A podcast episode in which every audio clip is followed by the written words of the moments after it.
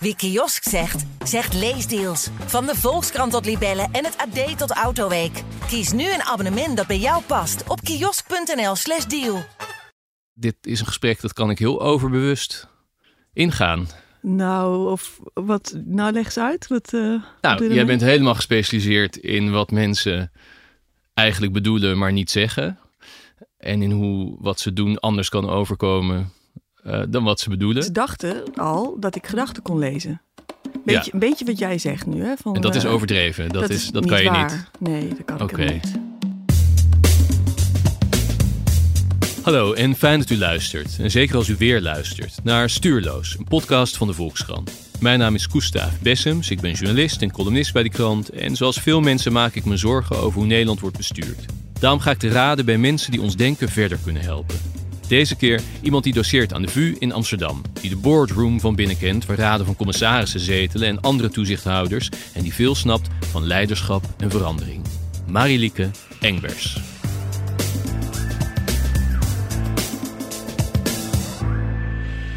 Ja, toevallig, en dat is echt toevallig, tenminste wat mij betreft, eh, is net haar boek uit, Onder Commissarissen. Daaruit kun je leren hoe er nou zo vaak schandalen kunnen zijn bij banken of wooncorporaties of andere instellingen, zonder dat de mensen die daar toezicht op moesten houden ingrepen. Marilieke Engbers die heeft daarvoor als een vlieg op de muur bij tientallen raden van commissarissen en raden van toezicht gezeten. En die is zo iemand geworden met heel veel kennis over hoe wij mensen eigenlijk met elkaar omgaan als we onder druk beslissingen moeten nemen. En ze kijkt dan ook met een scherpe blik naar het openbaar bestuur. Dus daar gaan we het over hebben.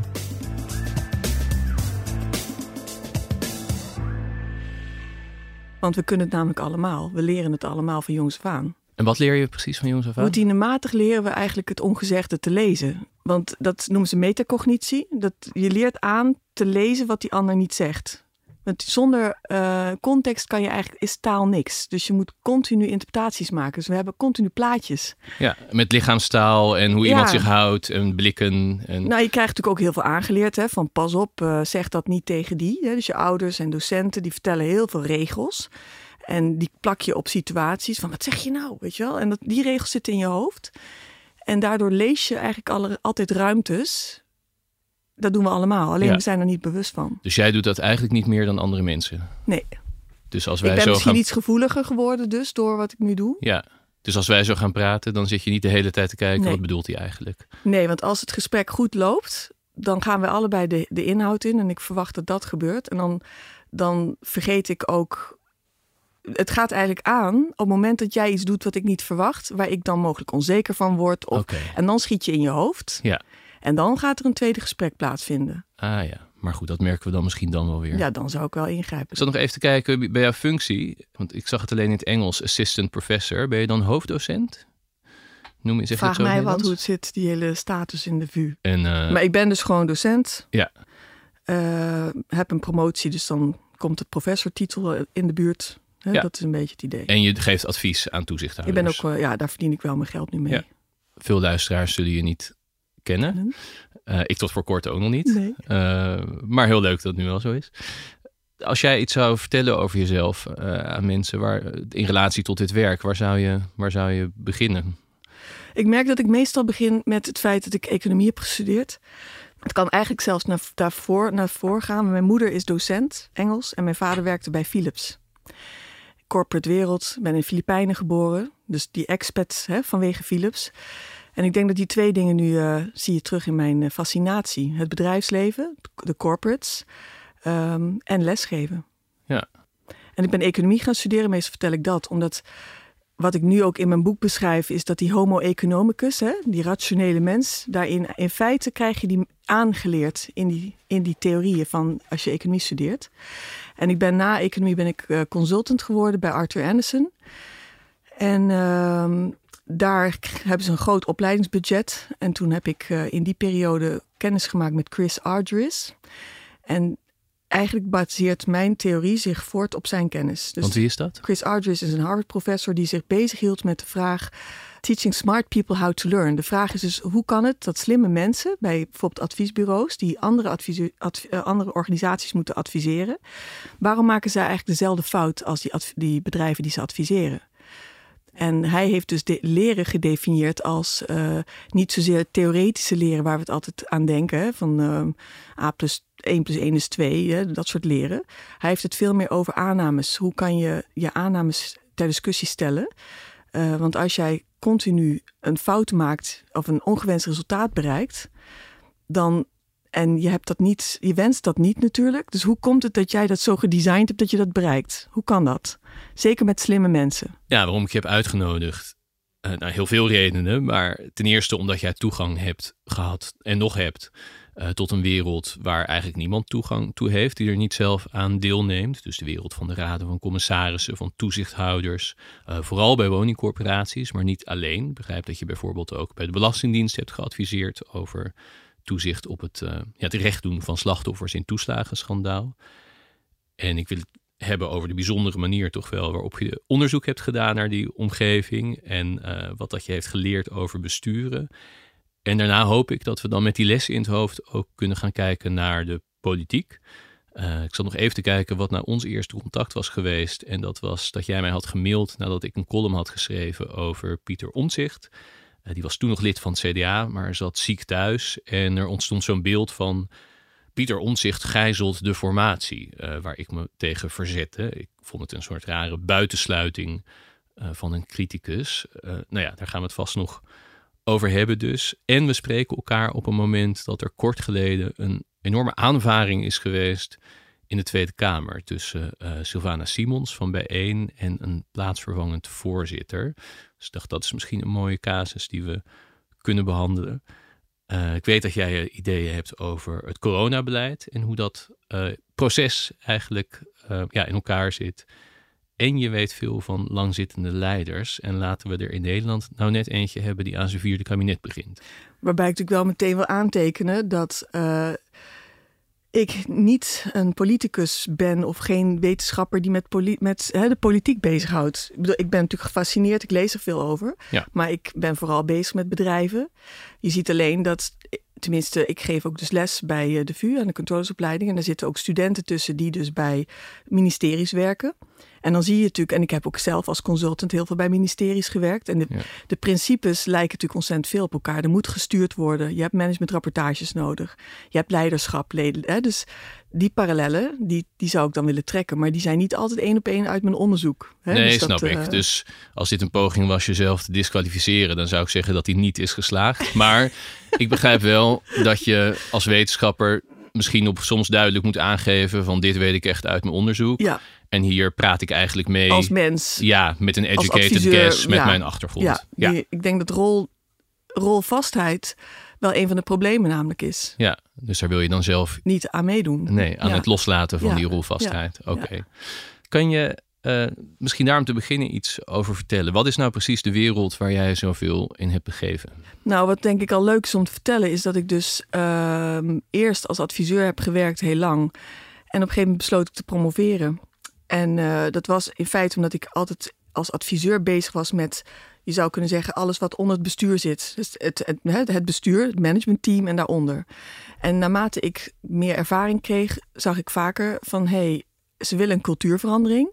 Maar zodra ik een beetje aan dat bestuur krabbel, hè, de CEO en de bestuurder, dan zeggen ze ofwel van nou, ik heb wel een coach, of eh, nou, ik heb jou gevraagd om mijn medewerkers te veranderen, niet mij. En niet altijd zo expliciet als ik nu zeg, maar en dat fascineerde mij, want hoe kan ik ze helpen als ik niet aan hen mag krabbelen?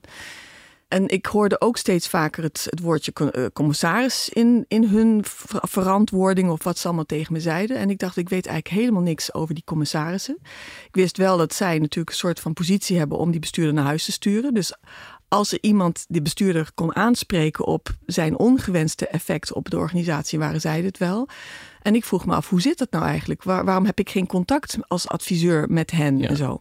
Voor mij is het ongezegde altijd een soort van ja, diagnosetool geweest in mijn werk.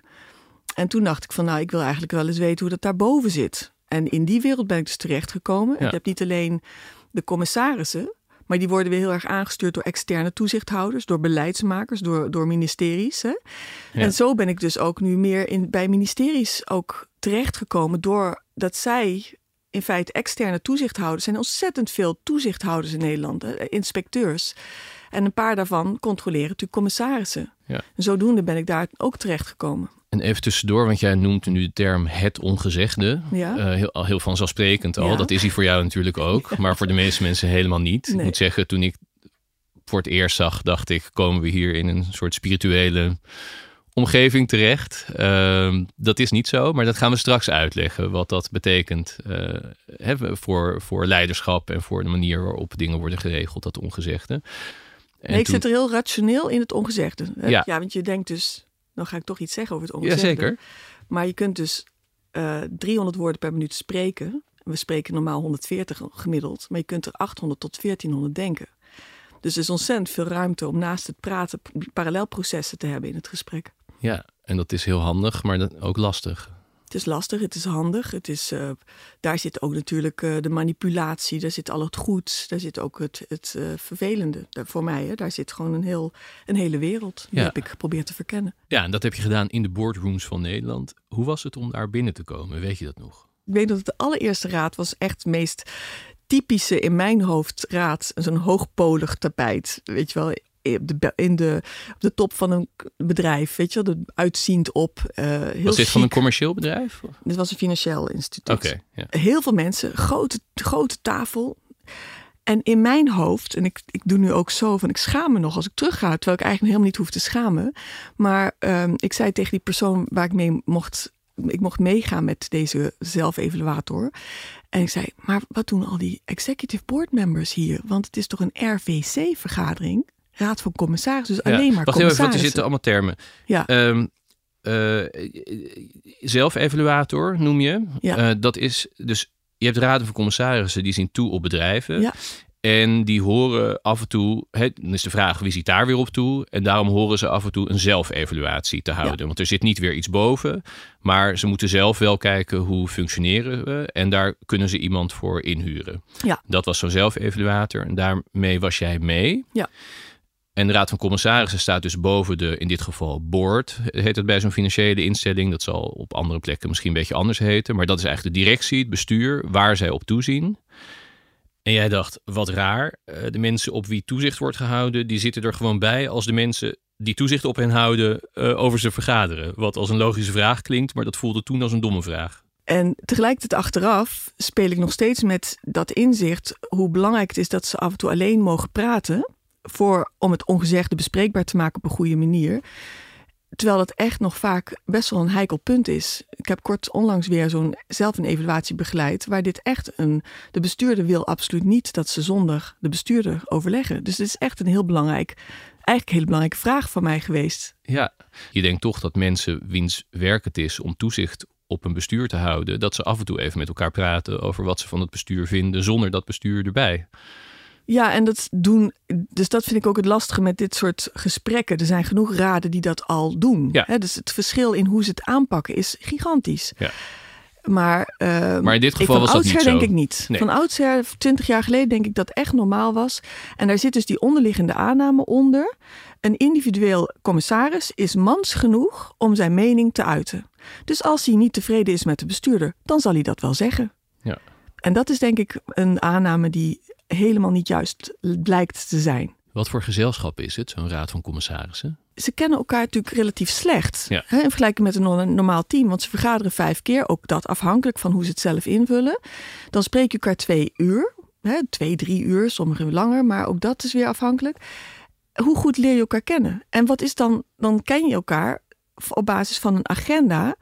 Waar ontzettend veel behandeld moet worden.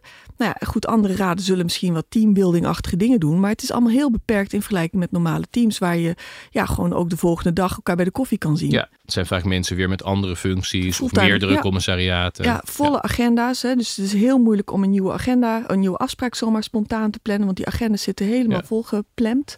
Hoeveel van die bijeenkomsten heb je denk je bijgewoond sinds deze eerste? Oh jeetje. Eh, nou, echt pure vergaderingen, denk ik een stuk of 40, 50, denk ik. Ja. En ehm, zelfevaluaties, nou, dat moet ik echt gaan tellen. Maar dat zit denk ik richting de 20.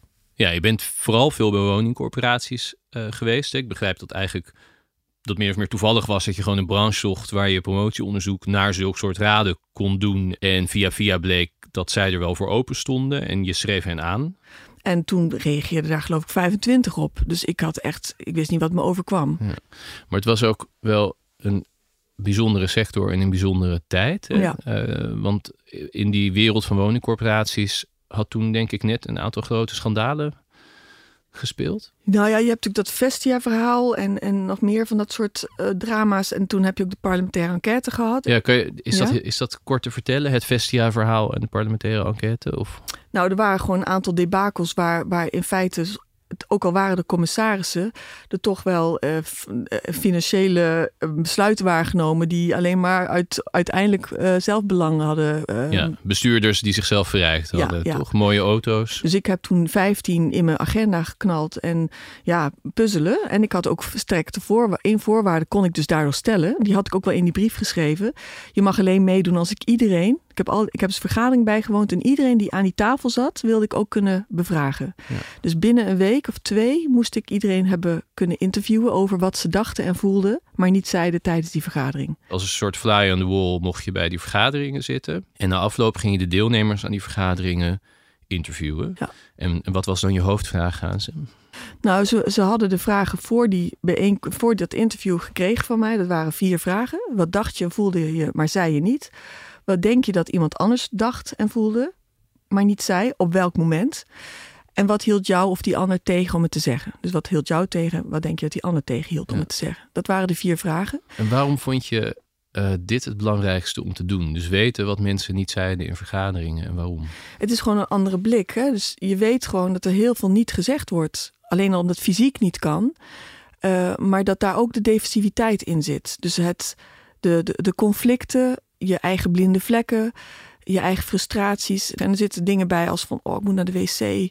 Maar die ander weet niet dat je dat denkt. Dus als ik hier zenuwachtig ga te bewegen omdat ik naar de wc moet, kan jij denken dat ik ongeduldig ben. Ja.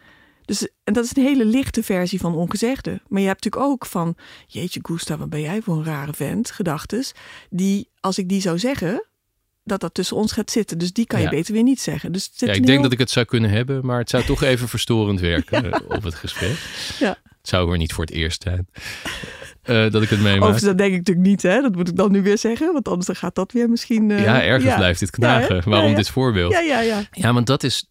En blijkt ook erg uit jouw werk en uit je onderzoek. Aan het begin hadden we het natuurlijk even van worden allemaal getraind om de ander te lezen en om te kijken wat bedoelt hij nou en, en wat zit erachter.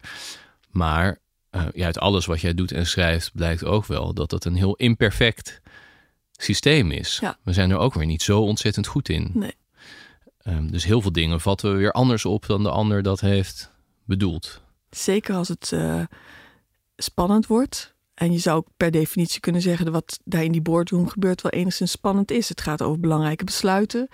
Uh, ik zeg wel eens dat deze omgeving de hoogste het is alsof je eredivisie, je, je creëert een context die het meest ambitieus is voor het belangrijkste werk. Ja. Weinig tijd, veel mensen, veel diversiteit. Want we hebben het over dat er weinig diversiteit is in die boardroom. Maar er is relatief veel diversiteit. Je hebt een financieel expert, een juridisch expert. Iedereen heeft zo zijn eigen wereld, neemt hij mee. Veel jaren ervaring. Nou, met weinig diversiteit bedoelt men vooral het overschot aan oudere witte mannen, vermoed ik. Hè? Tuurlijk, maar ik wil eigenlijk zeggen, binnen die hele kleine groep witte mannen, ja. heb je toch eigenlijk al, vanuit mij geredeneerd, een grote diversiteit. Ja. Als er nu er ook nog vrouwen en allerlei andere denkers erbij stoppen, wordt die diversiteit nog groter. Ja, je bedoelt, het is voor het proces eigenlijk al complex. Ja. Dus ook al lijken veel van die commissarissen uiterlijk uh, en qua levensloop behoorlijk op elkaar. Ze verschillen al in, in elk geval zoveel om dat proces moeilijk te maken. Ja. En hoe meer verschillende types je eraan zou toevoegen, des te moeilijker zou dat eigenlijk worden ook. Ja. Niet dat je daarom niet moet doen, maar ja. uh, is wel interessant. Ja. Nou, en dat is natuurlijk waar wat jij zegt. Vandaar is het, het is eigenlijk een soort gecomprimeerde versie van zo'n vergadering. Dus er staat heel veel op het spel en ze hebben heel weinig tijd. Tegelijkertijd dacht ik ook toen ik het las, uh, we moeten misschien even zeggen, je hebt uiteindelijk, hey, ik bedoel, je hebt eh, rapporten en dat soort dingen geschreven, maar je hebt nu een boek geschreven, onder commissarissen heet dat. En daarin uh, heb je eigenlijk een vertelling gemaakt waarin uh, zo'n raad van commissarissen van een niet nader genoemd bedrijf. Het is wel een bedrijf, maar het zou denk ik ook wel over een ander soort, hè, over een publieke instelling kunnen gaan, toch? Qua ik heb het geprobeerd alles eruit te halen wat enigszins naar iets zou verwijzen. Precies. wat mij betreft niet relevant dus er zit een groep in, echt met personages uh, met wie je meeleeft. En daar zit Lara in, uh, die jouw alter ego is dus, toch? Die wordt ingehuurd voor een zelfevaluatie van die commissarissen. Ja. Heel kundig is ze trouwens. Ja? Viel mij op, Lara. Ja, wordt heel kundig neergezet. Oh. Maar goed, dus eh, eigenlijk zo heb je uh, ja, samengebald al jouw ervaringen en onderzoek in deze vertelling. En leren we dus heel veel over die dynamiek. En dat is inderdaad natuurlijk een bijzondere uh, omgeving ja, op dat soort van snelkookpan niveau. Tegelijk dacht ik ook ontzettend veel dingen die hier worden beschreven. Heeft iedereen die wel eens in welke vergadering dan ook heeft gezeten, meegemaakt. Ook als het misschien wel is met je team waar je elke dag mee zit. Maar het proberen te lezen van elkaar, uh, bondjes die gevormd zijn, ingesleten patronen. Maar ook, dat vond ik een interessant punt, de kosten om iets ter sprake te brengen. Wat kost het je om, het, om iets te zeggen? Kan je daar iets meer over zeggen, wat je daarmee bedoelde? Het is ook een risico wat je neemt. Want als ik echt laat zien wat ik denk, ik weet nooit van tevoren zeker waar, hoe jij zal reageren. Dus er, er is een prijs voor praten. En wat ik eigenlijk daarmee probeer te zeggen is dat we daar bewust van moeten zijn. Ik heb het gevoel dat we heel makkelijk zeggen we moeten maar transparant zijn. Maar zo is het. Het is niet, het is niet zo makkelijk. Het, het vraagt heel veel bewustzijn uh, op het. Hoe zit het nou eigenlijk van hoe maak je we die inschatting? Want het is eigenlijk een continue inschatting als ik dit ga zeggen, wat gebeurt er dan? Dus dit, dit noem ik dan in mijn promotie spreektheorieën. Maar je hebt dus allerlei algoritmen in je hoofd over als ik dit ga zeggen, wat dan? En ik kan misschien bij jou heel erg veilig voelen en dus alles zeggen. Ehm, maar met een andere persoon die precies hetzelfde doet als jij niet. En dat is zo moeilijk om dat te generaliseren. Maar dus het enige wat je dan kan doen is veel bewuster worden van hoe zit het nou eigenlijk? Hoe, Wat zijn die kosten? In, wat, hoe bepaal ik per gesprek hoe ik omga met die kosten. En je schrijft ook ergens voor iemand die een afwijkend standpunt gaat verkondigen, zijn die kosten hoger. Ja, zeker weten. Ja. En wat daar interessant is, is dat vind ik. En ook, nu gaan we een beetje, denk ik, over het ongezegde praten. Maar je hebt dus, uh, wat mij betreft, wel twee soorten ongezegde. Hetgene wat je bewust niet zegt en hetgene wat je niet bewust niet zegt. Oh dus je kunt continu, moet je eigenlijk op een auto, ik nu ook, hè, moet selecteren wat zeg ik. Als je dus net als wij nu praten, dan gaat het eigenlijk op een automatische piloot. Want je kunt niet de hele tijd nadenken, wat ga ik nou zeggen? Je moet gewoon reageren. En dat is in feite op de voorbewuste manier. Voorbewust bedoel ik mee, is niet geheel onbewust, maar het is net als dat je een auto rijdt en je praat met iemand terwijl je auto rijdt, dan doe je dat ook voorbewust. Als je achteraf vraagt waarom reed jij zoals je reed, kan ik dat uitleggen. Ik kan ook achteraf uitleggen waarom ik zo met jou praat. Als het goed gaat, degene die het goed vinden gaan, handelen voorbewust. Routinematig gaat lekker. Degene die iets ziet stokken, die handelt, gaat bewust handelen. Die gaat opeens denken: shit, wat is hier aan de hand? Kan ik hier dit nog wel zeggen? Dus de minderheid gaat veel bewuster handelen en die andere deel weet dat niet eens. Want die ander kan niet zeggen: Ja, ik ga nu bewust handelen, want ik vind het hier niet veilig. Want als hij dat zegt, gaan die anderen zeggen: Hoezo niet? En dan heb je precies het conflict wat je, wat je wil voorkomen. Dus ja, Chris Argus noemt dat dus ook de cover-up of de cover-up. Je moet niet alleen het niet zeggen, maar je moet ook nog doen alsof je wel alles zegt. Ja. Want anders gaan mensen je bevragen en doorvragen wat je juist niet wil. Want je wil eerst zeker weten dat je wel kan zeggen wat je wil zeggen. Ja, dus je bent heel druk. Dus zolang je er lekker in zit en je hebt geen probleem of conflict eh, bespreekbaar te maken. Of je gaat niet tegen de groep in, gaat het allemaal lekker op de automatische piloot. Maar stel bijvoorbeeld, die groep gaat een bepaalde kant op en je denkt, hé, hey, dat is volgens mij eigenlijk niet de goede kant. En niemand zegt dat nog. En dan denk je, misschien moet ik dat gaan doen. Dan wordt het ineens heel druk in je hoofd. Ehm, met vragen als, kan ik dat wel maken? Wat zullen ze daarvan vinden? Hangt ook af van je status misschien. Ja, en dat bedoel ik met die inschatting, die maak jij. En die kan per raad verschillen. Dus ik heb commissaris gesproken die in meerdere raden zaten. En die zeiden ook letterlijk van ja, hier gedraag ik me heel anders dan daar. Of hier gaat het heel goed, maar oh, je moet weten wat daar gebeurt. En, en dat had ook, dat zeiden ze dan ook, hangt ook van je rol af. Kijk, als je zelf voorzitter bent, dan ben je dus de leider. En dan heb je veel meer invloed op het proces. Je kunt het tempo van de vergadering bepalen. Je kunt de agenda. Je hebt gewoon meer sturing erop. Dus dan vind je natuurlijk ook sneller goed gaan, want je bent de leider. En dan wordt het ook al spannend, want een niet-voorzitter, een commissaris, die in de Corporate Governance Code staat, ook de voorzitter is de baas. Als jij van jongs af aan, wat wij met elkaar toch leren, luister naar je ouders, heb respect voor je ouders. Als je een leraar hebt die zegt, ben je het niet met me eens de gang op, dan krijg je al in je hoofd regels van je moet tegen een iemand die hiërarchisch hoger dan is dan jij, moet je oppassen. En dat is niet anders dan in de boardroom. Er zijn mensen die het vinden dat je alles kan zeggen, ook tegen de, tegen de voorzitter. Maar sommige voorzitters vinden, en dat weten ze niet. Hè? Dus die voorzitters zijn vaak helemaal niet bewust van dat iemand in die groep niet alles durft te zeggen. Die kunnen ook heel makkelijk denken. Oh, maar ik sta alles toe. Ik ben heel uitnodigend. Mijn deur staat altijd open. Ik, hè, kritiek is prima. Uh, en zich helemaal niet bewust zijn van het intimiderende effect wat ze intussen nog steeds, al is het maar puur door hun functie, op anderen hebben. Dat heet ook uh, eh, CEO-disease. En dat is dus niet de ziekte van de CEO, maar de ziekte van de medewerkers om de CEO heen, die dus niet zeggen wat ze denken vanwege dat hiërarchische verschil. Ja. En wat ik zo interessant eraan vind, is dat ook ambtenaren hebben macht. Maar degenen die macht hebben, hebben dat vaak niet door. Dus een directeur die, die zegt: Mijn deur staat altijd open. Die zegt, die zegt eigenlijk met andere woorden: Joh, ik heb wel die rol, maar ik misbruik mijn macht niet. Dus je kunt mij vertrouwen. Kom maar binnen. Dat menen ze oprecht. Maar dat die anderen bij het minste of geringste signaal denken: Ja, jij zegt dat jouw deur open is, maar dat is niet zo. Dat gaan ze natuurlijk niet vertellen. Want dat is een heel pijnlijke boodschap tegen die persoon die zij juist niet durven zeggen wat ze, hè, omdat hij die positie heeft. Dus leidinggevenden of bestuurders denken vaak: Nou, als ik maar zeg dat ik toegankelijk ben, dan is het daarmee afgedaan. Dan komen de mensen wel met hun problemen. Want ik ben aardig en dat, dat zijn ze ook vaak, hè? Dus dat zelfbeeld van ik ben aardig, ze kunnen echt altijd binnenkomen, dat staat wel eens haaks op wat men van hen denkt. Ja.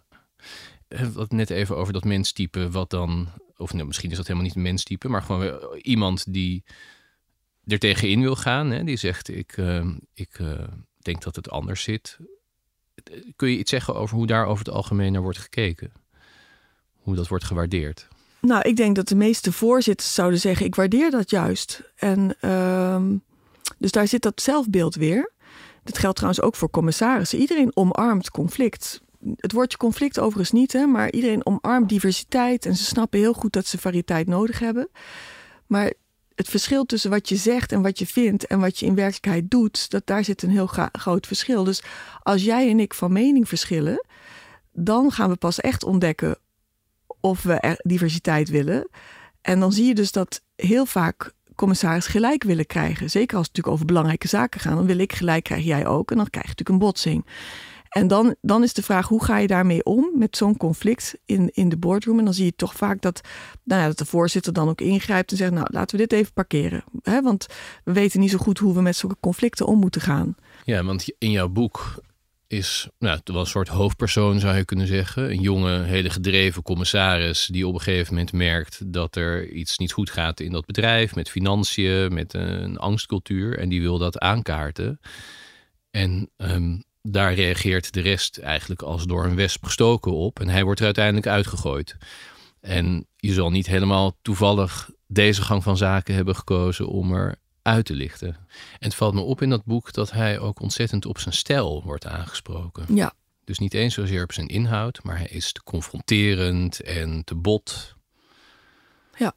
Waarom heb je dat zo benadrukt?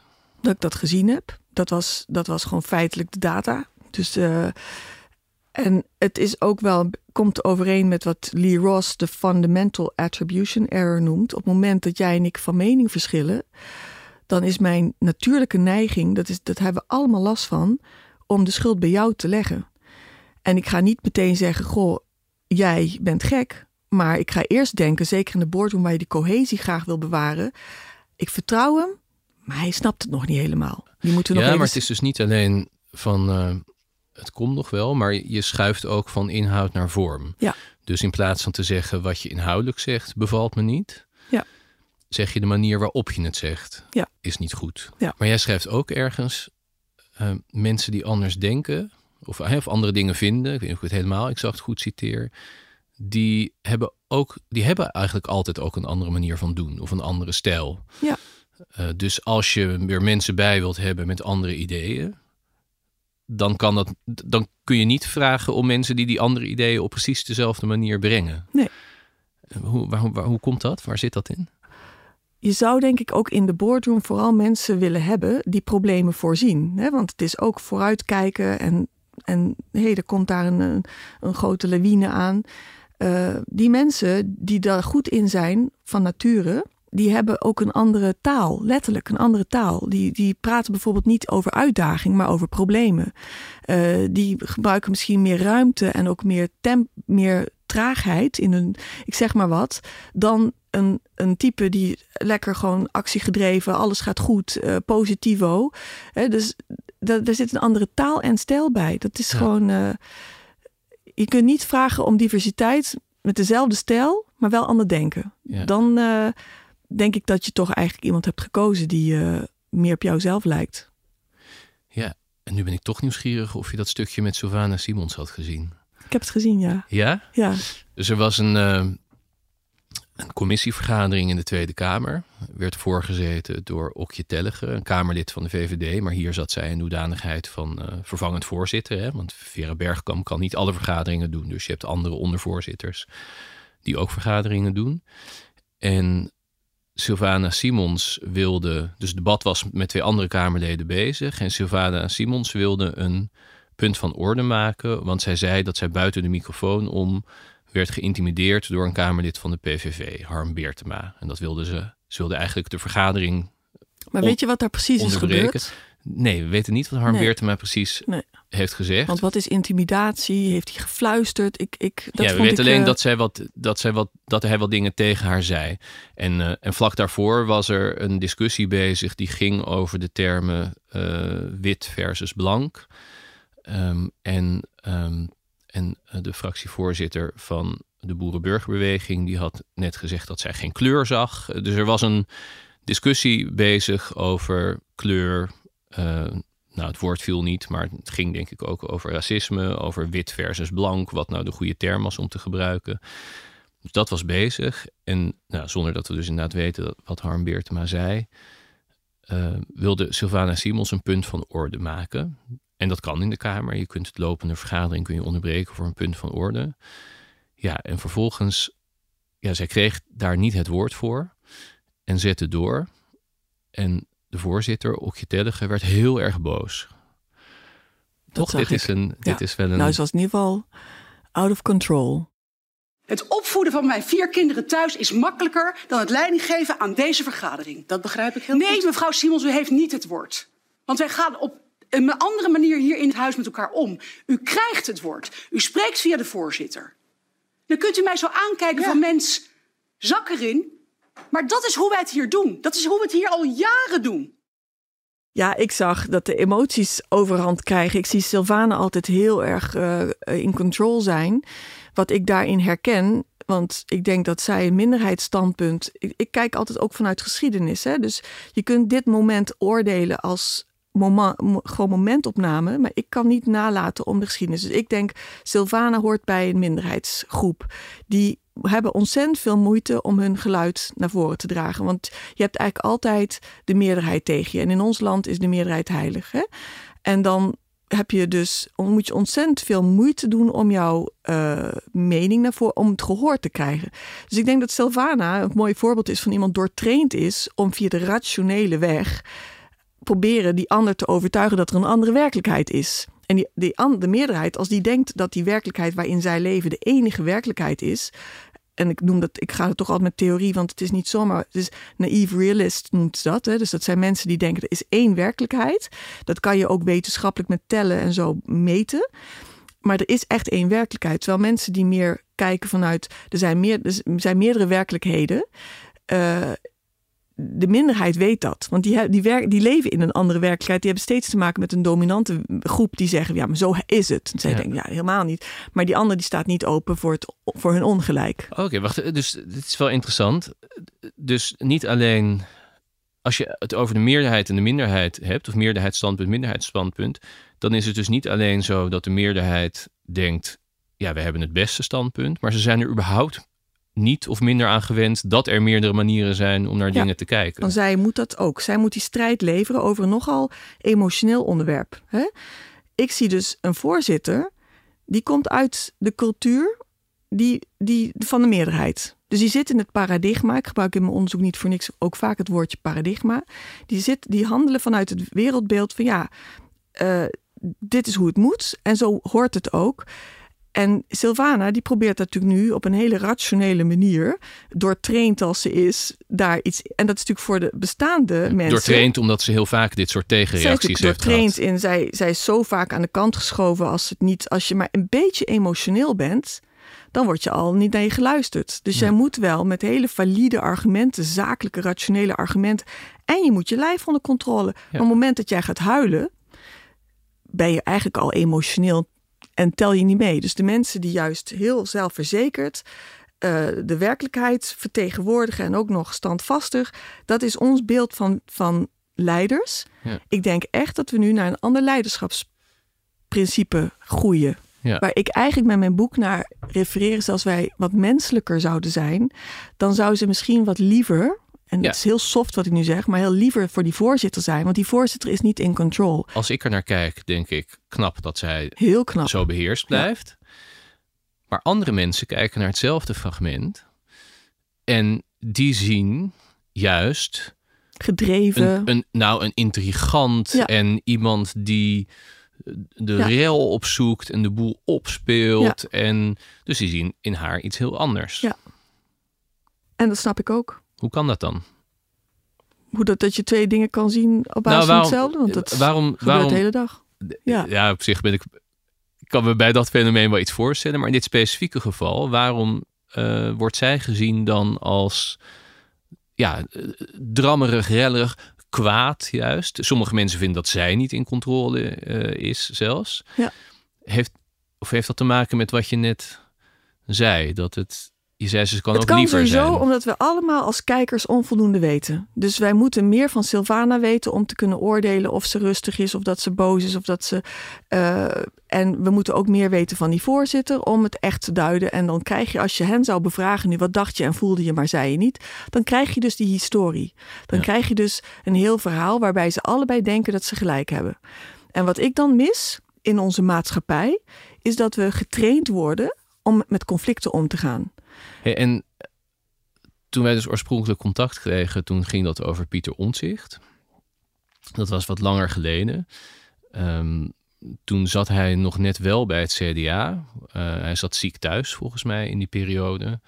En er was een beeld in de media en ook wel in de politiek dat de formatie niet goed verder kon uh, zonder dat het CDA wist wat Omtzigt zou gaan doen. Zou die wel akkoord gaan met een coalitie waar Rutte weer in zat, bijvoorbeeld van de VVD. Rutte, de premier, die eerder in de formatie had geprobeerd een functie elders voor Omtzigt te krijgen.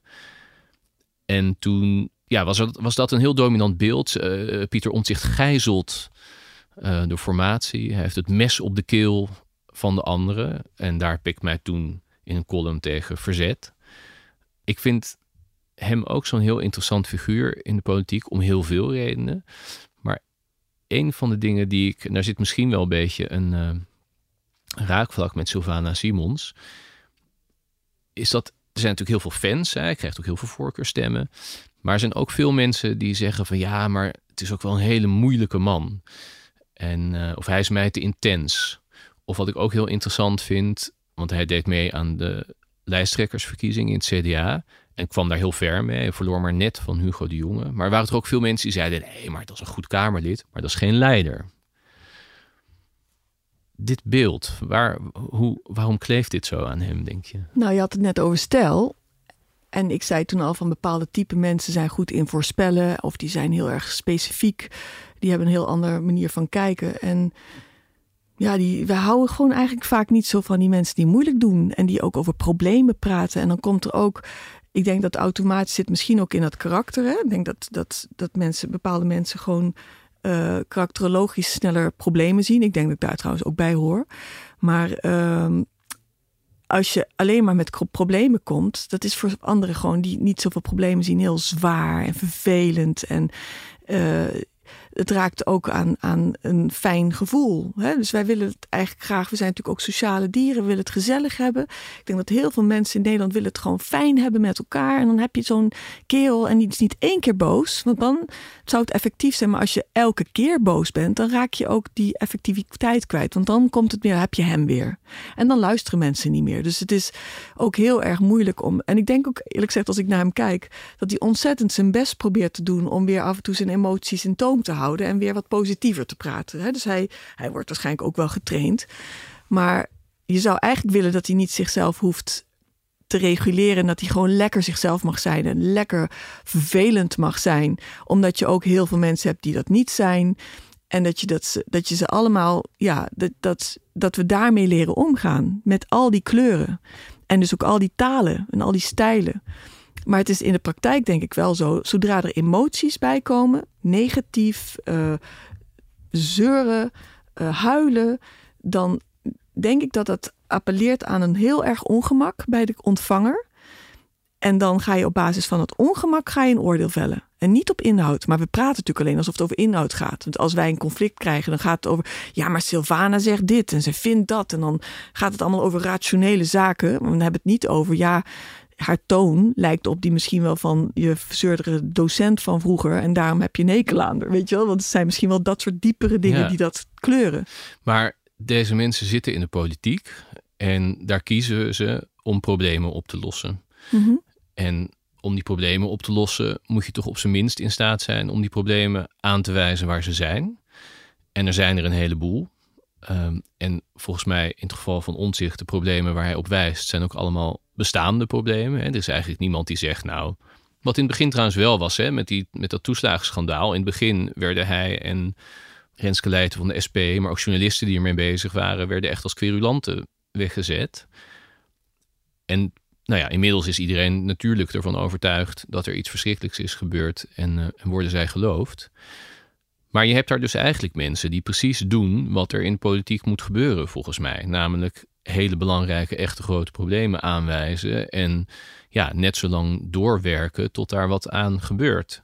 Ja. Dat is, de politiek is toch geen omgeving waar, dan, waar je gezellig hoeft te doen. Of waar je dan per se af moet worden gerekend op dat je de sfeer niet goed houdt als je iets heel ergs aan het aankaarten bent. Nee, ik heb het ook over dat wij veel minder rationeel zijn dan wij meestal aannemen. Ja. Dus we kunnen denken, het gaat allemaal over de wonings, woningbouw en een aantal woningen en over de toegeslagenaffaire. Maar ondertussen gaat het gewoon over het schoolplein. Maar dat doen we eigenlijk overal. Dus ja. wij doen dat allemaal zelf op ons werk. Of inderdaad, als je met je collega's overlegt of in een vergadering. De boardrooms waar jij in zat, maar ook in de politiek. Dat wordt toch gezien als rationele politieke conflicten die daar worden uitgevochten. En jij zegt dat is een te magere manier om er naar te kijken. Want eigenlijk is heel veel van hoe wij daarop reageren is niet rationeel. Dat zit zelfs op heel elementair niveau, zonder dat je het misschien zelf weet. Iemand doet je aan iemand denken, uh, waardoor je er negatief op reageert. Of het is misschien een manier van doen die je niet kent of die je niet gewend bent.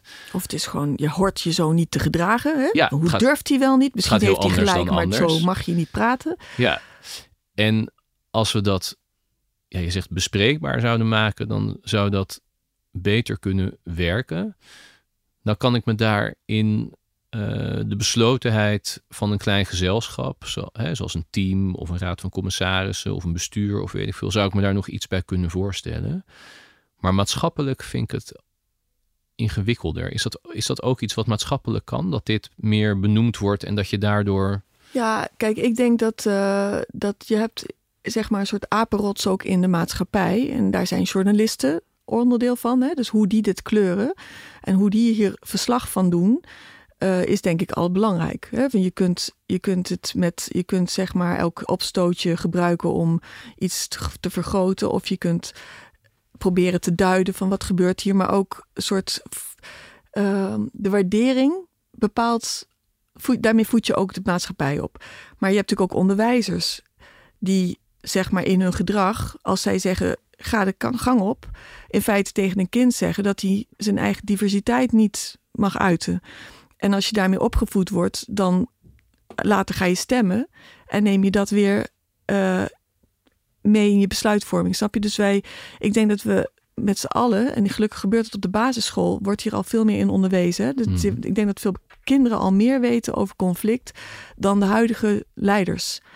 En dat vind ik ook het interessante, want mensen die een hoge positie hebben, die zijn vaak ook, die hebben die positie gekregen omdat ze in het verleden altijd gelijk hadden en kregen. Niet hadden, kregen. Maar dus het gaat om het besef van hoe beperkt je eigen blik is, ja. eigenlijk. En je toch ook meer verdiepen in de mogelijkheid dat al die andere blikken er ook zijn en wat dat, het daarachter zit. Ja. Betekent niet dat je het vervolgens hoeft over te nemen. Nee, het luisteren, daar begint het mee. Hè? Maar wat ik zo mooi vind nu, als je het als je nu kijkt naar de, wat er maatschappelijk gebeurt, alles wordt gezegd. Je kunt bijna niet meer zeggen dat er niks meer is gezegd. Alles staat op Twitter, iedereen, alle meningen, hoe slecht het gaat met zaken. Dus in de Tweede Kamer kunnen ze weten wat er leeft in de maatschappij. Maar wat je nu ziet, is dit, dat ik denk dat we niet weten hoe je met die complexiteit om moet gaan. En daarom hoor je volgens mij veel meer de roep om: we hebben scenario's nodig, we hebben plannen nodig. En dat is een vaardigheid die je ook moet leren. Want het is uh, een scenario bouwen waar je die variabelen aan elkaar koppelt. En zegt, nou, als we iets meer van dit doen, dan gaat dat gebeuren. Dat noemen ze causal loops maken. Dus dan maak je allemaal van die loopjes. Dan kan je echt gaan plannen. Of dan kan je ook meer de effecten van je beleid voorspellen. En het liefst doe je dat met een hele gevarieerde groep. Maar wat ik interessant vond vorig jaar, daar, daar gingen echt, dat was voor mij een enorme trigger. Ik las het verslag van de Volkskrant, geloof ik, van de OMT-vergadering. Dat was natuurlijk een tijd gevolgd. Ja. Ja. en toen las ik dat bijvoorbeeld het al begon dat Van Dissel had, die zei, ja, we gaan niet nog meer uh, perspectieven toevoegen, want dat maakt de besluitvorming lastig. Klopt, ja. Dus het, eh, misschien even, het OMT is een uh, medisch-biologisch gezelschap. Dus er zitten verschillende disciplines artsen in, virologen, microbiologen. en er zitten een aantal vertegenwoordigers van beroepsgroepen in. Bijvoorbeeld Diederik Gommers namens de Intensive Care. En het wordt voorgezeten door Jaap van Dissel van het RIVM. Er zit een soort kernploegje van het RIVM bij. En ik denk dat de discussie toen bijvoorbeeld was... moet je niet ook gedragswetenschappers erbij hebben zitten. Die is nog steeds volgens mij die discussie. Die discussie is inderdaad nog steeds. Maar heeft ook een denktank nu voorgesteld. Ja, want er is wel een gedragsunit, maar die zit niet bij het OMT. Uh, eh, en die hebben ook wat minder toegang tot het kabinet, of een stuk minder toegang. En daar was zijn reactie inderdaad op: nee, wij moeten dit zo smal houden. Uh, want dat, ja, dat is al moeilijk genoeg om daarmee adviezen te. En in een crisis, dat wordt ook al vaak gezegd, is het heel valide. Er moeten snel besluiten worden genomen. Maar als je het hebt over complexiteit en het raakt alles. En uh, is het van belang dat je, hoe meer diversiteit je toevoegt, hoe betere besluitvorming. Dat is ook een stelregel waar geen enkele wetenschapper iets tegen te, tegen te zeggen heeft. Maar je wil dus ook uh, twee criteria zijn belangrijk. Aan de ene kant is dat je met vertrouwen naar elkaar, met elkaar kan werken. En het andere is dat je dat cognitieve conflict hebt, die diversiteit. Het vraagt dus eigenlijk een, het sturen op agree to disagree. Het, het gaat niet over consensus, het gaat niet ook over meerderheid, maar het gaat over kunnen we het met elkaar eens zijn, ondanks dat er een groep niet mee eens is. En dat vraagt ook dat je die minderheid expliciet um, meeneemt van oké, jullie krijgen geen gelijk, maar wat kunnen we doen om jullie risico te mitigeren, bijvoorbeeld. Hè? Um, en om dat te komen tot agree to disagree, moet je ook eigenlijk het proces aanpassen. Maar je moet niet van een voorzitter à la Van Dissel, die een expert is op het gebied van zijn vak, maar het is geen besluitvormingsexpert. Dus ik denk het eerste wat je wel moet doen is een besluitvormingsexpert erbij zetten die het programma, die eigenlijk het proces kan begeleiden. En je zag ook in dat verslag van OMT, of dat interview of wat was het, een stuk, ehm, dat de planning, dus wanneer ze vergaderden, dat was, daar hebben ze ook besluiten over genomen. Dus je ziet hoe mensen vergaderen en wanneer en met wie ontzettend belangrijk is. En dat moet je niet zomaar om de, op, de, op basis van, ja, ik heb altijd voorzitter gedaan en ik, ik weet hoe het moet. Ik denk, nee, dat is echt een expert, een vak wat we als expertise moeten gaan zien. Ja, want dat OMT is inderdaad wel interessant om te bespreken. We weten inderdaad wel wat van hoe die vergaderingen gaan. Dus we weten bijvoorbeeld dat het team van het RVM zit bij elkaar in een ruimte, meestal. En dan heb je al die verschillende deskundigen die vanuit het land via een scherm inbellen. Het zijn er best wel veel. Er kunnen er volgens mij met gemak twintig zijn of zo op een schermpje. Die kunnen dan allemaal hun inbreng geven. op een adviesaanvraag die van VWS is gekomen. Dus die adviesaanvraag wordt langsgelopen. En Jaap van Dissel, hoofd infectieziekte bij het RIVM, is de voorzitter. Die zit de vergadering voor. En die maakt uiteindelijk ook, destilleert een advies uit die vergadering. Dat is natuurlijk best een hele specifieke setting om tot adviezen te komen. Ja, en wat ik ook zo interessant in dat stuk vond, was en het stuk waar het over gaat is een, een, groot stuk wat een tijd geleden in de Volkskrant stond, waarin OMT-leden vertelden over die vergadering, ja, waardoor wij daar een beeld van hebben. Ja, en ze hebben dat ook gelezen. Dus het is, in die zin zie ik dat dan enigszins als betrouwbaar ja. input waar ik dan nu over praat. Ja. Hè? Dus, uh, en in dat stuk vond ik het ook interessant dat de rol met het katshuis werd besproken, waar gewoon openlijk stond. Ja, het is wel moeilijk om je autonomiteit te behouden als je in het katshuis komt. Ja, want ja, Van Dissel zit daar altijd bij een informeel overleg, zoals ja. dat heet in het katshuis. Ja, en daar las ik letterlijk het woord uh, oude jongens uh, krentenbroodsfeer, wat is het ook alweer? Uh, en dat baarde mij zorgen. Want vanuit diversiteit en tegenspraak, uh, waar eigenlijk governance, hè, bestuur en toezicht, toezicht gaat in feite over dat je de leiders weer spreekt of dat je ze scherp houdt en dat je ze niet niet zomaar naar de mond praat. Want dat is het risico met leiderschap. En dat is ook een risico, een reëel risico. Want die mensen die in die top zitten, die hebben natuurlijk een ontzettend drukke baan, moeten ontzettend snel besluiten nemen. Uh, dan is het heel prettig als iedereen ja knikt. Niet omdat ze dat voor een ego, maar het is gewoon praktisch. Het is gewoon snel. Maar efficiency blijkt een hele slechte raadgever te zijn. En misschien wel in een crisis, maar niet, niet als het gaat over dingen die je kan voorzien. En dan wordt het dus ontzettend belangrijk dat je open staat voor je ongelijk. En wat ik interessant vind als het gaat om leiderschap, is dat we dus onbewust, denk ik, een, een beeld hebben gecreëerd met elkaar. Dat een leider is iemand die zelfverzekerd is, die besluiten durft te nemen, die zijn mannetje staat en die een goed weerwoord heeft. En ik denk dat juist precies dat leiderschapsbeeld, dat zou moeten kenteren. We willen nog steeds een zelfverzekerd iemand, maar je wil wel iemand die uh, zijn ongelijk onderzoekt actief. En dat betekent niet dat je zegt: mijn deur staat open en ik ben laagdrempelig en ik lach vriendelijk en iedereen vindt me aardig.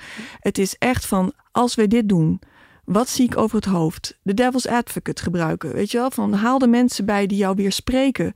Voordat je het besluit neemt. Ja, dat is ook ten aanzien van het OMT heeft dat gespeeld. Kijk, je had op een gegeven moment had je een groep die noemde zich het Red Team. Maar die waren helemaal extern. Die hadden niks, die, die hoorden helemaal niet bij de organisatie. Het waren eigenlijk gewoon los opererende, ook weer deskundigen die een eigen club hadden opgericht. Ja.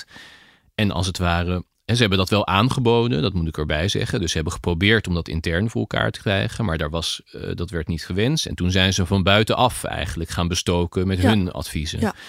Maar de en dan term, krijg je strijd. Ja, maar de term red team is eigenlijk dat je binnen je organisatie zegt we hebben een aantal mensen en die vertrouwen we, die horen we ook bij ons.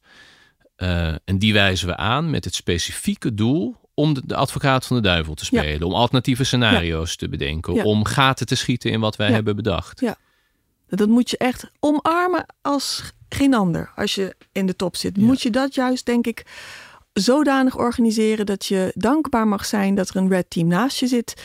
Die vanuit een heel ander paradigma, diversiteit.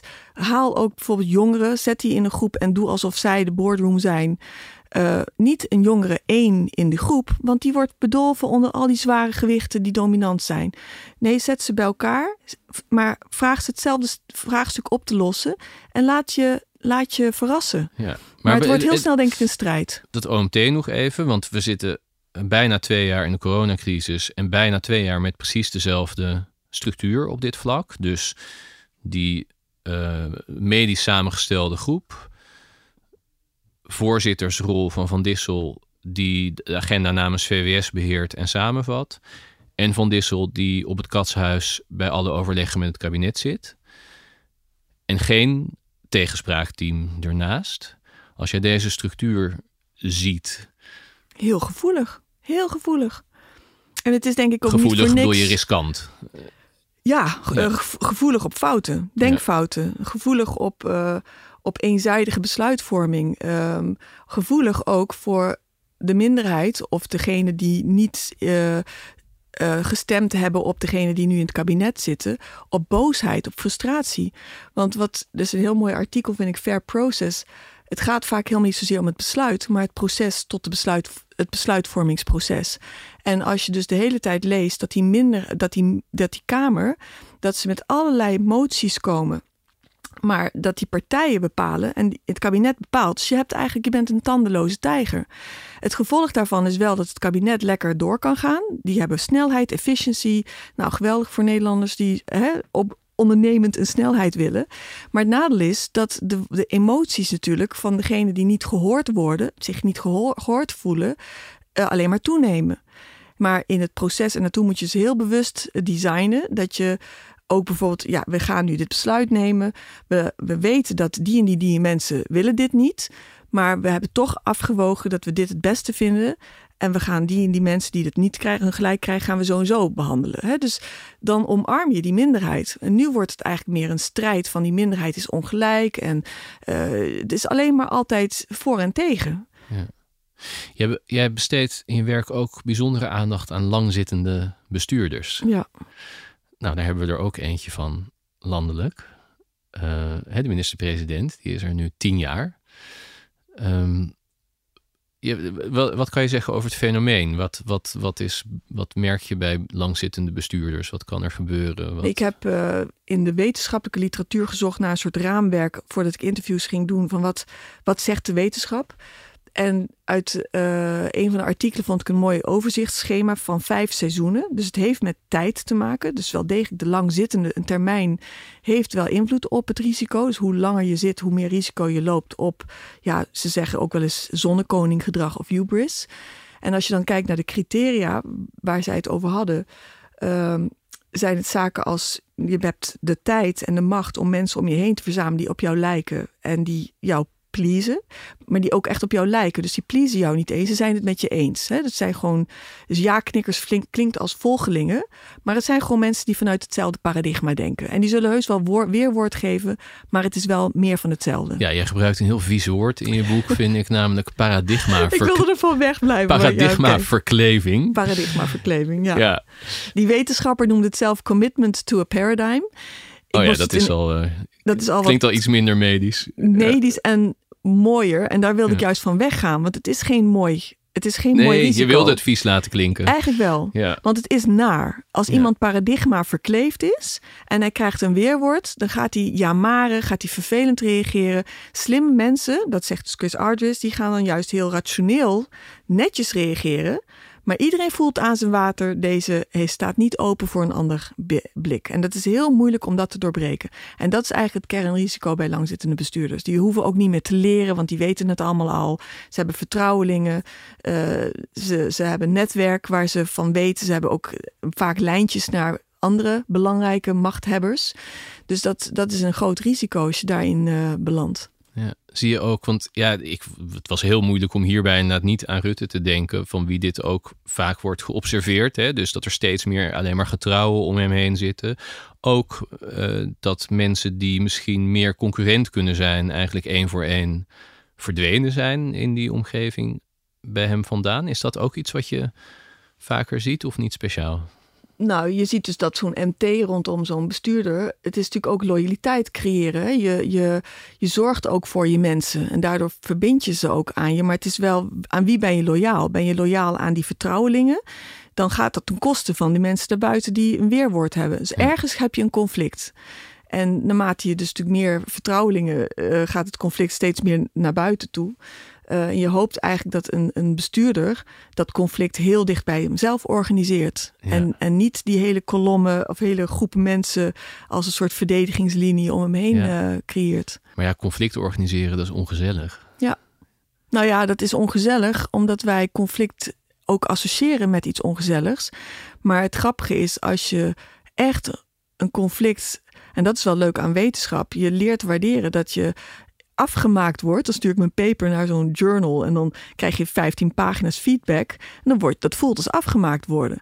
Maar als je dat dan even laat liggen en drie dagen later lees je het en je gaat ermee aan de slag, dan, dan groei je. Dat is echt zo geweldig. En als je zo naar conflict leert kijken, dan word je bijna verslaafd aan conflict. Dus het is ook onze associatie met conflict. Bovendien, als we het allemaal waarderen, dan hoeven we ook allemaal niet zo gevoelig te gaan reageren. Dus dan kunnen de emoties ook getemperd worden. Die associatie is, als je een inhoudelijk verschil hebt, is dat meteen ook een relationeel Ja. verschil. Ja. Ja. Maar jij zei eerder in het gesprek, hè, toen we het bijvoorbeeld over mensen als Omtzigt en Simons hadden, van waarom ehm, die weerzin opwekken bij een aantal mensen. Dat ze, het zijn een beetje de lastposten, de, de mensen die zeggen wat er allemaal niet goed is. Spiegelbeeldig hieraan kan je de, verklaren, de, de, geliefd, de populariteit van Rutte verklaren, toch? Dat is een en al positiviteit, iemand die weinig problemen ziet. Ja, ik vind hem een heel interessant eh, casus, om Ja. het zo maar te zeggen. Want ehm, hij heeft niet heel sterke visie. Hè? Dat zegt hij zelf. Hij heeft geen visie of hij eh, is daar een beetje van teruggekomen. Eh, een sterke leider heeft vaak ook, dat is wel een risico als je, als je een leider hebt die paradigma verkleefd is met een hele sterke visie. Nou, hij is denk ik wel paradigma verkleefd, denk ik, Rutte. En dat zit hem veel meer in hoe hij eh, zijn rol pakt. Dus hij zegt wel, ik wil een hele andere governance cultuur of een bestuurscultuur noemen ze het geloof ik creëren. radicale ideeën, nieuw elan komt ja, eraan. ja, en dan komt er weinig nieuws. Dat wordt ook gezegd, maar dat zag je ook bij Nieuwsuur. Hij komt niet veel verder, omdat hij dus in zijn wereld leeft. Hè? En ja, dan is natuurlijk veel kritiek op die Rutte-doctrine, wat vanuit het ongezegde geredeneerd ook echt, echt een heel groot naar risico is. Want informatie is macht, informatie is, is Ja. alles. De Rutte-doctrine, even kort, dat was, dat is nu, hebben ze daar in elk geval officieel weer mee gebroken. Maar onder de kabinetten Rutte werd minder informatie aan de Kamer vrijgegeven dan daarvoor. Met als argument dat het intern beraad was. Ja. Nu gaan ze dat weer rechtzetten. Ja, en er wordt ook vaak geschermd met, begrijp ik, van het is veel te moeilijk om die informatie te organiseren. Nou, als jij snapt hoe belangrijk informatie is, en ik neem aan dat toch de ministers dat wel weten, dan is je eerste priori- prioriteit om je informatiestromen te organiseren. Dat, Ja. dat doen eh, de bedrijfsleven, dus in het bedrijfsleven controllers. Dat is een van de basistaken, is dat je gewoon zorgt dat er goede informatie eh, geleverd wordt. En natuurlijk moet je die delen met de Tweede Kamer, want dat is onze maatschappij. Ja, en kan hij nu nog iets doen, denk je, om wat minder paradigma verkleefd te worden? Of is dit, hebben we hier met een hopeloos geval te maken? Oh jeetje, dat weet ik niet. Kijk, ik, ik vind, je kunt het allemaal op de bestuurder in die zin gooien, maar het is eigenlijk die omgeving. Nou ja, zijn Die- raad van toezicht is de Kamer eigenlijk. Ja, maar die, die Kamer is een tandeloze tijger. Want eh, je zou nu meer naar die kabinets, naar die de formatiepartners kijken. Het is natuurlijk ontzettend interessant dat eh Segers zei, eh, ik wil niet met hem verder. Ja, in feite zei ehm, Kaag dat ook. Hè? ze zeiden eigenlijk, vertrouw je niet meer. En toen gingen ze toch weer. Nou ja, en je verbindt je ook aan iemand die in de ogen van veel mensen gelogen heeft. Dus er wordt ontzettend veel van deze mensen gevraagd om met hem samen te werken. En zij denken dus blijkbaar dat, ja, dat ze hem wel zover krijgen dat hij ander gedrag gaat vertonen. En dat moeten we gaan zien. Ja. Want die tegenkracht is misschien nu wel door april, wat er in april gebeurde met de om- eh, functie elders van omzicht en wat er allemaal. eh, het was net verkiezingen geweest. Het heeft denk ik wel heel veel mensen een andere blik van Rutte gegeven. Eh, en ik denk dat hij dat waarschijnlijk ook weet. Dus weet je, dat is het interessante. Dingen zijn heel dynamisch. En als het maar heet genoeg wordt, kunnen mensen opeens iets leren. Ja. Dus dat kunnen we niet uitsluiten. Kunnen- er zou daadwerkelijk een andere Rutte kunnen opstaan. Ja, tot, als, tot vooralsnog zijn het de, voor mij de testcase zijn bijvoorbeeld die eh, ehm, persconferenties. En Over dan ben, ik corona. niet, ja, dan ben ik niet hoopvol. Dat, dat moet ik eerlijk bekennen. Dan ben ik niet hoopvol. Want dan zie je dus dat hun strategie wel degelijk is, is om, ja, om heel zelfverzekerd te zeggen: dit is het en wij weten het. En je ziet wel dat er onzekerheid insluimert. En ze gaan ook steeds meer van die tactieken. Maar het voelt alsof ze tactieken toepassen. In plaats van dat het echt van binnen komt. Ja, nog veel meer te bespreken en te vragen. Maar we moeten ook een keer, moeten een, keer een punt zetten aan zo'n gesprek. Ook. Heeft mezelf ook wel aan het denken gezet hoor. Ja? Wat dan? Nou, bijvoorbeeld, dus eh, twee voorbeelden hebben we daarvan besproken. Pieter Omtzigt en Sylvana Simons. Eh, Dus als ik die processen zie, dan denk ik te zien dat daar mensen, los van of ik het met elk punt eens ben, maar dat ze valide inhoudelijke punten maken en onredelijk veel weerstand van hun omgeving krijgen.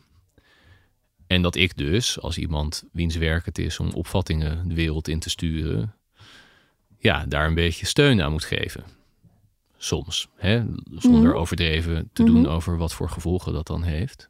En het is dus heel erg afhankelijk van allerlei waarschijnlijk onbewuste associaties. Want zoals andere mensen in hen dingen zien of eerdere bekenden zien waar ze slechte eh, gevoelens bij krijgen, heb ik dat dus kennelijk niet.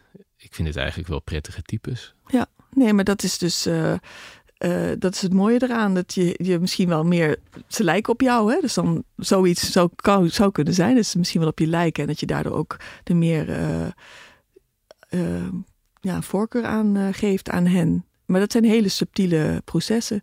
En wat ik. Ja, kijk. Ik. Ik, ik ben streng voor leiders. Dus ik vind als je dus de minister bent of een premier bent of een CEO bent, dan heb je gewoon macht. En die macht komt met een grote plicht. En die plicht is, wat mij betreft, niet hard werken. Ik denk dat we in Nederland ontzettend houden van hardwerkende mensen. Maar ik denk dat de plicht veel meer is, is dat je echt op zoek moet gaan naar jezelf. Van waar zit het conflict in mezelf? Daar ook transparant voor, veel meer transparant over bent. Ehm, maar dat vraagt een echt een andere leider die wij zelf niet hebben opgeleid. Hè, dus we hebben het zelf deze leiders gekozen. En we houden dus ook met elkaar iets in stand dat we het wel misschien stiekem mooi vinden dat er conflict is en dat je lekker kunt fulmineren op Twitter en lekker strijd kan hebben. Maar het brengt het land niet verder. En dus leiders waarderen en kiezen die opener zijn over, ja, het klinkt eigen wat gezwollen, ongelijk. hun eigen innerlijke strijd eigenlijk. Ja, en een, en een actief en ongelijk onderzoeken. Dus niet zeggen ik heb gelijk of we hebben het allemaal zo goed gedaan en kijk me nou eens, we hebben dit en dat. Nee, ja jongens, wij moeten een besluit nemen, dat is mijn rol. Maar ik heb echt dat en dat en dat gedaan om tegengelijk, tegengeluid te horen.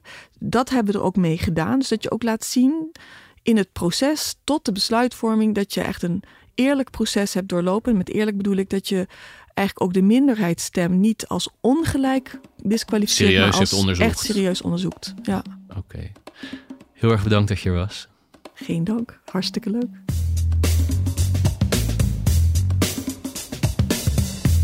Dankjewel voor het luisteren naar Stuurloos, een podcast van de Volkskrant. De gast was Marilieke Engbers. Abonneer je alsjeblieft in je podcast-app, krijg je een bericht als er nieuwe er is. En ik zou het heel fijn vinden als je ons daar ook een hoge waardering wil geven. En misschien zelfs als je een beetje reclame wilt maken voor ons op sociale media. Ik maakte Stuurloos samen met Rinky Bartels en Tom van Rooyen, onder eindredactie van Corien van Duin. Heel graag tot de volgende keer.